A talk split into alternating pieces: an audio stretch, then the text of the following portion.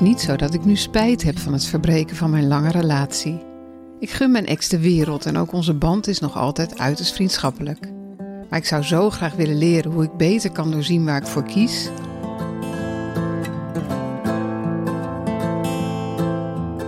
Moet of kan je je verliefdheid wel serieus nemen?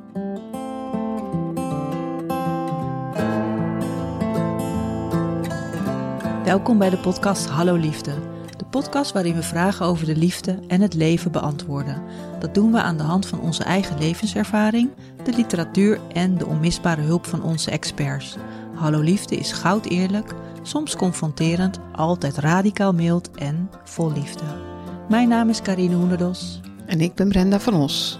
Vandaag met de vraag: in hoeverre kan ik mijn verliefdheid serieus nemen? Ik vind het een mooie vraag. Heel mooie vraag. Daar zijn we weer, Karine, met aflevering 5 alweer. We hebben afgesproken dat we een paar dingen anders gaan doen. We hebben maar liefst twee nieuwe rubrieken, of rubriekjes. We willen beginnen voortaan met iets wat ons de afgelopen weken is opgevallen of heeft geraakt. Gewoon iets kleins, iets moois. En ten tweede introduceren we de tap. Ja, de tap, oftewel het totaal ander perspectief. Want we hebben hier en daar wel gehoord dat we misschien iets te veel het vrouwenperspectief vertegenwoordigen in deze podcast. Ja, we zijn natuurlijk allebei vrouw. Daarom hebben we nu een taphoekje dus gemaakt. En daarin wordt het helemaal anders. Dus oud, jong, man, vrouw, cis, trans, queer, pan, sapio. Telkens een andere stem in ons taphoekje. Het is sapio. Sapio, dat is als je iemand bent die valt op het intellect. Dus op het brein van mensen, op slimme Ah, mensen. Ja. Dan ben je sapioseksueel. Hmm, dat is nieuw voor mij. Ja, en vandaag beginnen we dus met het taphoekje. En ja, we hebben dus echt een lekkere volle aflevering, want we hebben ook een reactie gekregen van de vorige keer van de, de dame die zei: Help, ik krijg deze man maar niet uit mijn hoofd. Een hele mooie update hebben we gekregen. Oh, wat leuk. Ja, dus Nou, laten we maar beginnen. Dan ga ik eens vertellen wat mij geraakt heeft. Ik wilde graag vertellen over een andere brievenrubriek, namelijk die van Nick Cave, de rockheld. En zijn eh, brievenrubriek heet The Red Hand Files. In 2018 is hij daar al mee begonnen. Toen zei hij tegen zijn fans van Ask me anything. En dat doen ze sindsdien. En hij beantwoordt al die jaren al elke week trouw een eh, brief. En dan moet je weten dat hij twee keer een, eh, een zoon heeft verloren. Ja, dat weet ik, dat is afschuwelijk. Ja, Ja, het is, het is zo onbevattelijk groot, zo'n verlies. Maar dat maakt dat, dat fans soms hele triviale dingen aan hem vragen. Of iets over zijn muziek of zo. Maar veel vaker best met grote kwesties komen. Met hele mooie vragen over verlies of over eh, levenskwesties. En de antwoorden die hij geeft, die zijn ook ongelooflijk mooi en oprecht. hij kan ook echt mooi schrijven, hè, Nick Cave. Ja, hij is natuurlijk ja, als artiest ook heel goed met Poëtisch, taal. ja. Heel poëtisch en mooi. Ja. En om je een idee te geven, er was een keer een aflevering waarin een vader een brief schreef over zijn transgender kind, waar hij toch mee worstelde. Er stond ook een fenomenaal mooie zin in trouwens. When they were born, she was called Macy. ja, mooi. Als taalliefhebber eh, word ik daar helemaal, eh, helemaal week, blij week van. van. Ja, blij ook, ja. Maar het antwoord was al even mooi van eh, Nick Cave. Die schreef, deze prachtige liefdesbrief aan je kind staat vol van het verdriet dat veel ouders voelen als we onze kinderen aan de wereld verliezen. Terwijl ze opgroeien en hun eigen opvattingen krijgen over wie ze willen zijn. Het is de gemeenschappelijke angst van ouders, een verlies van controle of erger nog, een diep besef dat we nooit controle over hen hadden. Ja, dat is ook zo natuurlijk. Ja, maar dat je kind aan de wereld verliezen, dat, Ja, dat, dat, is mooi gezegd. is ook heel prachtig. Ja. Ja. En kun je je gratis abonneren op die brief? je kunt gewoon even googlen op die Red Hand Files en dan kom je er zo en dan krijg je wekelijks dus zoiets prachtigs in je mailbox. Mooi, mooie tip. Nou, die gaan we zeker ook in de show notes eh, zetten. Ik zag een video, een korte clip van Brene Brown. Dat is een hele bekende schrijfster. Zij heeft volgens mij ook de meest bekeken TED-talk aller tijden. En die ging over schaamte volgens mij en kwetsbaar durven zijn. Ja, ik heb Zij schrijft ook- bekeken. Ja, zij schrijft daar veel boeken over. Over kwetsbaarheid, schaamte, alle gevoelens. De video die ik zag was een clipje uit een podcast die zij opnam met eh, Tim Ferriss. Dat is ook een bekende schrijver. En het stukje ging over eh, het huwelijk. En ik vond haar zeer praktische benadering van het huwelijk vond ik leuk. Want zij zei van ja, mensen zeggen vaak dat een huwelijk 50-50 moet zijn. Je moet allebei evenveel geven en nemen. En zij vond dat eh, bullshit, zoals ze dat eh, zo lekker uitgesproken zei. En wat zij doet met haar man is dat ze elke dag eventjes inchecken samen. En dan zegt ze, bijvoorbeeld die man zegt dan, nou ik heb 25% energie. Nou ja, ik zit er een beetje doorheen. ik zit zeg er een maar. beetje Ja. doorheen. Ik, heb, eh, ik heb het druk of ik heb dit of dat. En dan zegt zij van, nou, komt goed uit. Ik, uh, I'll cover you. Ik zet een tandje bij. Ik zet een tandje bij, geen probleem. En op andere dagen zijn ze ongeveer 50-50. Maar er zijn ook dagen dat ze allebei maar weinig energie hebben. En dan zegt ze, nou, en dan gaan we dus even bij elkaar zitten. En dan gaan we kijken van hoe kunnen we deze dag leefbaar maken met ons gebrek aan energie. Bijvoorbeeld door dingen af te stoten, een afspraak af te zeggen of eten te bestellen, noem maar op. Dus zij beschouwt het huwelijk echt als een energiekwestie ook. Dus je moet je energie managen. Niet alleen van jezelf, maar ook van de optelsom van de beide energie. Ja, ja, dat vond ik een, een, leuke, mooie tip eigenlijk. Ja, mooie benadering. Ik denk wel meteen over de hele linie wil je natuurlijk wel een beetje 50-50 uitkomen. Ja, nou ja, misschien kom je er ook wel uit dat het niet hoeft, maar uh, dat het altijd 40-60 is of zo. Maar ik, je hebt natuurlijk wel gelijk. Je gaat niet altijd 10% brengen als de partner 90% moet geven. Dat lijkt me ook niet helemaal uh, reëel. En je zei ook dat we nog een update hadden van onze briefschrijver. Ja, dat klopt. Zij stuurde me nog een, uh, een mailtje en ze schrijft: Jullie bespraken laatst mijn brief over de lange kale man met de bulderende lach, die niet beschikbaar was en die bang voor de liefde was. En uh, Carine die zei toen al, dat schrijft zij dus, dat een brief schrijven op zichzelf al helpt. En dat kan ik beamen, want toen ik hem geschreven had, dacht ze zelf al: kom op, neem eens initiatief. Dus, oh, wat goed. Ja, dus dat vind ik mooi. Het werkt dus echt. Als je een brief opschrijft, dan zie je het is, dan zet je het eens op, uh, op een rijtje allemaal. En ze heeft dus initiatief genomen. En ze heeft de man benaderd. En ze schrijft, lang verhaal kort, meneer wil geen relatie, nu niet en met niemand. Oh. Ja, dus dat is wel een beetje jammer. Ja. Maar goed, ze heeft het wel geprobeerd en nu is hij dus uit haar hoofd, denk ik. Maar wat ze nog meer schrijft is dat jullie ook zeiden van misschien ben je zelf al bang voor de liefde. En ze zegt ja, dat was wel een schot in de roos. Mm. Ze zegt van die angst moet ik eens af. En wat ze nu overweegt is EMDR, want ze weet wel waar die angst is ontstaan en waar het door komt. Dus... Wat ontroerend eigenlijk dat het zoveel gevolgen dan heeft. Ze heeft veel teweeg gebracht bij haar. Dus en ze is op die man afgestapt en ze heeft ontdekt van ja, ik ben eigenlijk zelf ook bang voor de liefde. Ik moet hier iets mee. Nou is het natuurlijk wel jammer dat hij er niet op in is gegaan. Maar ik, ik hoop wel dat ze trots is dat ze dit heeft gedaan nu. Ja, dat ze op hem af is gestapt. Het ja. voelt toch beter waarschijnlijk dan continu blijven afvragen of het iets had kunnen worden en of je iets had moeten doen. Ja, en dat is ook wat onze psycholoog toen ook zei, hè, van Vera Zonderop, van kom op, kom in actie. Dus, nou, zullen we dan naar de brief van deze week gaan? Een brief van een man deze keer. Een man, leuk. Hallo liefde, schrijft hij. Ik ben een man van in de dertig. Na een intense relatie, zowel in positieve als negatieve zin, verbraken mijn vriendin en ik onze relatie toen ik mijn affaire opbiechte. Relaties kennen helaas niet alleen romantiek. Langdurige relaties zeker niet. We vonden snel een nieuwe vorm. De afwikkeling, we hadden twee katten en een huis met een hypotheek, ging verrassend snel. Het was eigenlijk een opluchting dat onze relatie over was en we gingen door als vrienden. Iets wat iedereen verbaasde, maar ons niet. Er was geen wrok, tot ik in de openbaarheid trad met mijn nieuwe vriendin. Mijn ex was bang om me echt kwijt te raken nu. Ik verzekerde haar dat ze er echt niet bang voor hoefde te zijn. Ik begreep haar angst overigens wel, want de nieuwe relatie was intens, volstrekt helder en logisch. Alles wat eerder ongelukkig maakte of wat ik miste, was er ineens. De nieuwe liefde was een beetje argwanend geweest dat ik zo snel in iets anders dook, maar de liefde won het van de ratio. Ook mijn ex kreeg een ander, al doet ze het aanmerkelijk rustiger aan. Maar ook zij koos er vanaf moment één voor mij in haar leven te houden. Allemaal heel harmonieus. We stonden op het punt om onze nieuwe partners aan elkaar voor te stellen, totdat ik voor langere tijd naar het buitenland moest voor werk. Bij terugkomst leek mijn nieuwe liefde zich te hebben bedacht. Zonder in veel details te treden, ik heb op het verkeerde paard gewet. Ze ontpopt zich als een apathisch iemand nu de eerste blinde verliefdheid aan het slinken is, of zelfs over is, en we als stel door het leven gaan. Ons leven lijkt haar te vervelen. Het is inmiddels zover dat ze afstand heeft genomen en pas over een paar maanden verder wil en kan kijken. Het is niet zo dat ik nu spijt heb van het verbreken van mijn lange relatie. Ik gunde mijn ex de wereld en ook onze band is nog altijd uiterst vriendschappelijk. Maar ik zou graag willen leren hoe ik beter kan doorzien waar ik voor kies. Is dit simpelweg gewoon pech? Heeft de liefde me verblind? Wat ik over een paar maanden ga aantreffen maakt me sceptisch. Ik denk namelijk dat het een verloren zaak is. Mocht dat zo zijn, hoe weet ik beter waar het heen gaat in deze of een volgende relatie? Moet of kan je je verliefdheid wel serieus nemen? Alvast bedankt voor jullie analyse. Groet van iemand die geen hopeloze man wil worden. Oh. Ja, het is lief, de brief. Ja, het is een lieve brief. Ja, ik vind het ook een mooie brief. Wat krijgen we toch steeds mooie brieven? Daar ben ik echt wel heel blij mee. Ongelooflijk, ja. hè?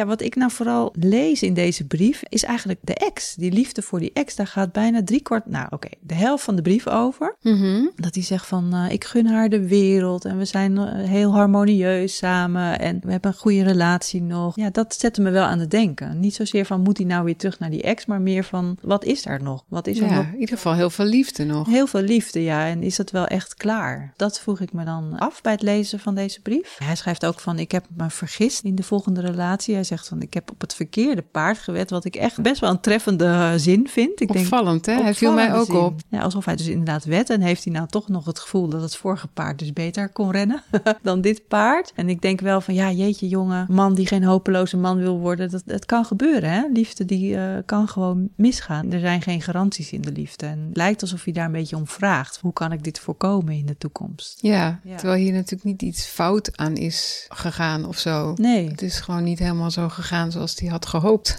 En ik ben wel benieuwd wat hij nou bedoelt wat ik over een paar maanden aan ga treffen. Hè? Want begrijp dus, ze hebben nu even een time-out in die relatie. En dan denk ik van, ja, wat hij aan gaat treffen, is het niet iets wat hij ook mede zelf bepaalt, wat hij zelf zou willen. En het lijkt een beetje voor hem wel een hopeloze zaak, dat schrijft hij ook letterlijk. Maar toch wacht hij af. Dus waarom neemt hij daarin niet wat meer initiatief? Is hij niet zelf een beetje apathisch nu aan het afwachten? Ja, terwijl hij haar die eh, apathie eh, verwijt nou, eigenlijk. eigenlijk wel. ja. Ja, het viel mij ook op. Hij lijkt een beetje uit het veld geslagen. En het is ook niet echt duidelijk wat hij nu zelf precies het liefste wil. En daar had onze expert van deze week ook iets over te zeggen. Ah, Oké. Maar eerst even waar ik zelf over na heb gedacht. Ik was vooral aan het eh, dubben over de uiteindelijke vraag in deze brief. In hoeverre kan je je eigen verliefdheid nou serieus nemen? Ja. Ik dacht in ieder geval niet altijd, is mijn ervaring. Ja, ik ben zelf, en jij volgens mij ook, één keer zo ongelooflijk intens verliefd geweest dat ik gewoon van de wereld eh, was. Ja. Ik heb het ooit omschreven als een psychose. En daar zei iemand heel venijnig op dat dat een eh, slechte omschrijving was. Want dat was een hele ernstige psychische aandoening. En dat is natuurlijk ook zo. Maar wat ik bedoelde is, ik was totaal niet meer in contact met de werkelijkheid. Ik zorgde bijvoorbeeld voor mijn kinderen. Maar ik kan me uit die tijd ook echt gewoon niet zoveel herinneren van een echte emotionele band of zo met ze. Allemaal automatische piloot, terwijl Ja. je alleen maar dacht aan die. Precies, het enige wat van belang was, was die man. En er was ook een vriendin die enorm eh, op me aan het inpraten was eh, wat een foute man dit wel niet was. Waar ze waarschijnlijk ook gelijk in had. Eh, maar dat, dat had ook geen enkele zin. Ik was gewoon van teflon, alles gleed van mij af. Dus nou ja, moet je zoiets serieus nemen? Eh, nee. Nee, Volgens mij is dit een hele irreële staat van zijn. En, als je eh, zo verliefd bent, bedoel je. ja, precies. En als je niet oppast, maak je ook van alles eh, stuk onderweg. Maar goed, wat wel heel fijn is natuurlijk, is een normale verliefdheid. Waarin je ook behoorlijk van de wereld kan zijn, maar nog wel reali- realiteitszin hebt. En eh, een beetje kunt nadenken en kunt voelen wat er verder allemaal speelt. En volgens mij moet je die natuurlijk wel serieus nemen. En wat ik daar dan bij zou zeggen is dat je jezelf dan nog gewoon kan bevragen. Wat zijn eigenlijk mijn motieven hier? Vind ik deze man echt zo leuk? Of is het vooral de geweldige seks? Of is het vooral dat ik het eigenlijk doodeng vind om eh, alleen te zijn? Of zie ik echt een, een toekomst met hem? Of vind ik hem echt heel erg leuk? Dan weet je volgens mij best wel hoe serieus je het wel of niet moet nemen. Ja, dus je zegt eigenlijk er zijn twee vormen van verliefdheid. Je hebt de psychotische verliefdheid tussen aanhalingstekens, waarbij je echt niet meer voor reden vatbaar bent. Die is niet zo gezond. Die zou Nee. je eigenlijk niet zo serieus moeten nemen.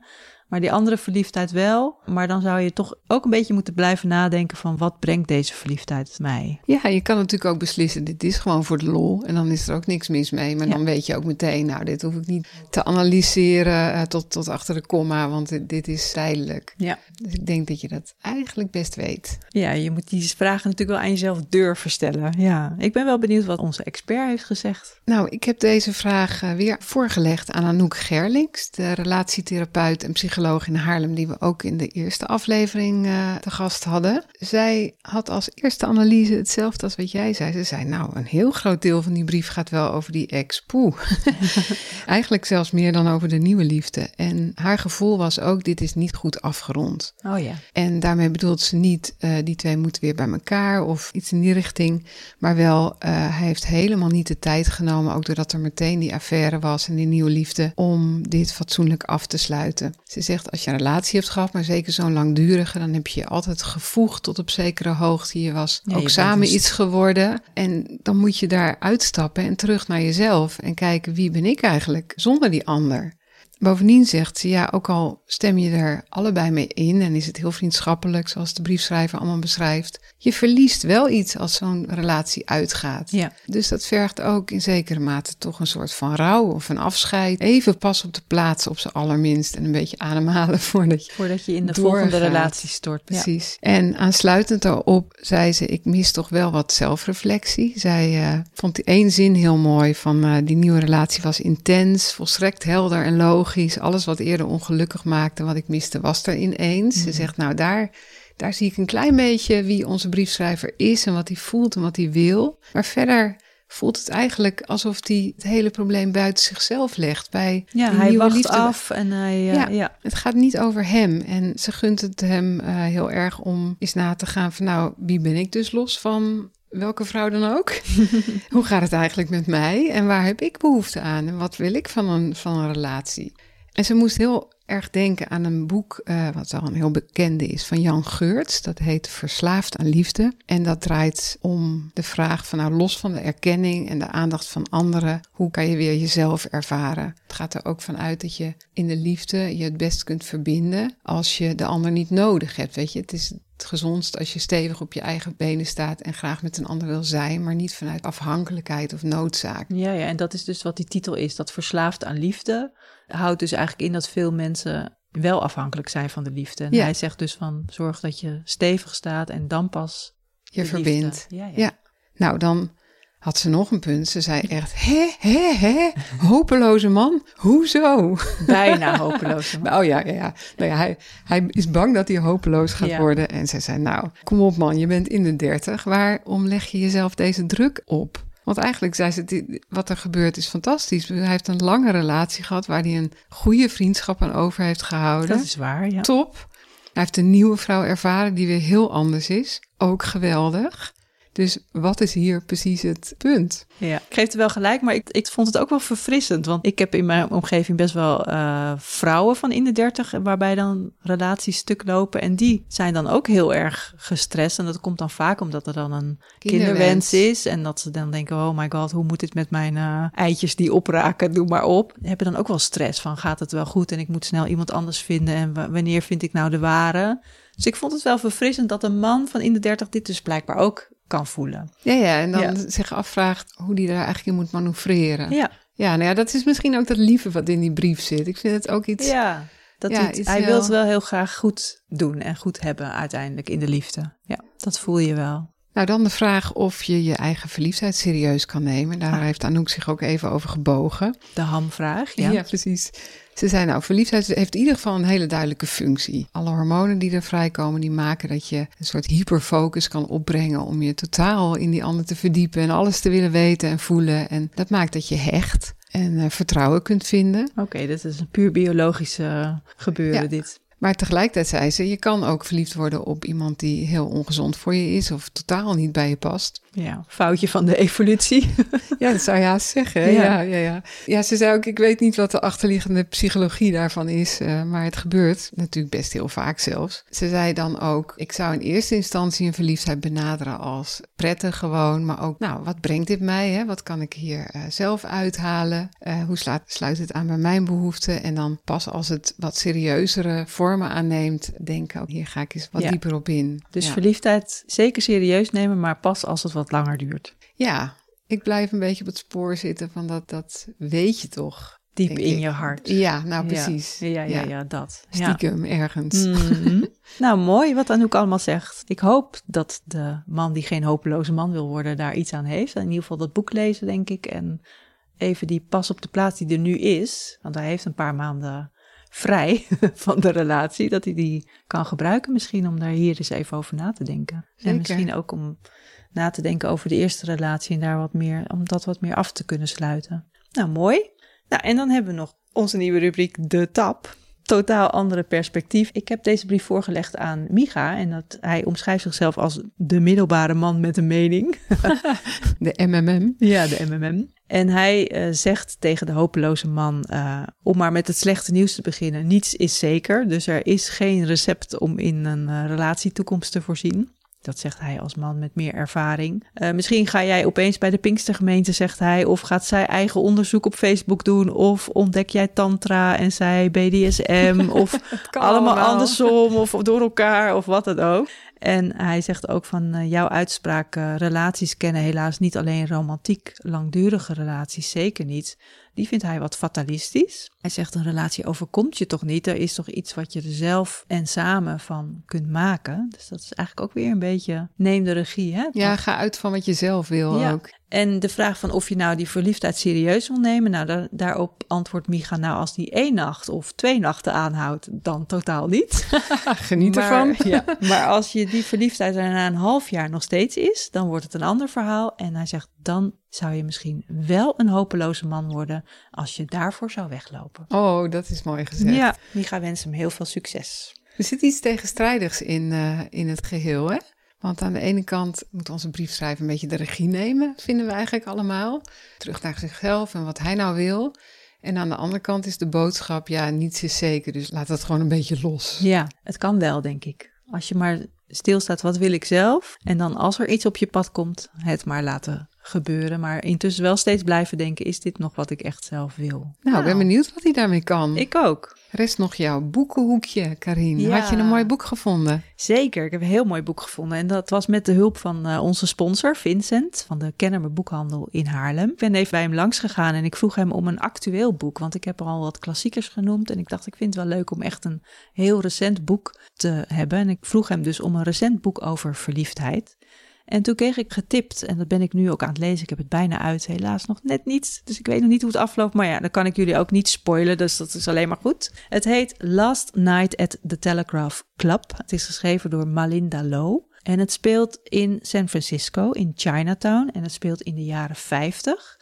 In de tijd dat in de Verenigde Staten ook heel erg uh, werd gejaagd op communisten. Ja, door McCarthy. McCarthy, ja. precies. En de hoofdpersoon is een 17-jarig meisje, Lily Hu. En zij is Chinees-Amerikaans, dus ze woont in Chinatown met haar ouders. En op een dag ziet zij een foto in de krant van een vrouw die is verkleed als een man en die optreedt in een nachtclub, de Telegraph Club, die dus mm. ook in San Francisco is. En zij raakt helemaal gefascineerd en ze weet niet zo goed waarom die foto haar nou zo triggert, maar het zijn allemaal een beetje zo verboden gevoelens die ze voelt bij die foto, maar totale obsessie. En dan krijgt ze dus een uh, vriendin op de middelbare school en dat komt dan ter sprake. En die vriendin zegt, ik ben er wel eens geweest, ik neem je een keer mee. En dan gaat ze dus naar die Telegraph Club waar dus vrouwen openlijk lesbisch zijn. In die tijd ook heel bijzonder. Kort gezegd, het komt erop neer dat Lily raakt ook verliefd op dat meisje. Dat een volledig Amerikaans meisje is, geen Chinees meisje. Dus er zijn zoveel moeilijke dingen rondom deze verliefdheid. Mm. Hè? Die Chinees-Amerikaanse gemeenschap waarin vrouwen echt heel erg Chinees moeten blijven. Het feit dat ze verliefd is op een vrouw wat echt niet kan in die tijd. Of in ieder geval zeer ongebruikelijk is. Tussen de bedrijven door wil ze ook nog graag in de ruimtevaart gaan werken. En dus oh. dat ook iets wat totaal niet kan, uh, totaal niet geschikt is voor vrouwen. Dus echt alles bij elkaar maakt deze verliefdheid heel sterk, maar ook heel moeilijk. En wat dat betreft vond ik het wel mooi relativerend voor onze briefschrijver. Van, uh... Zijn problemen, die zijn nog wel te overzien. Ja, precies.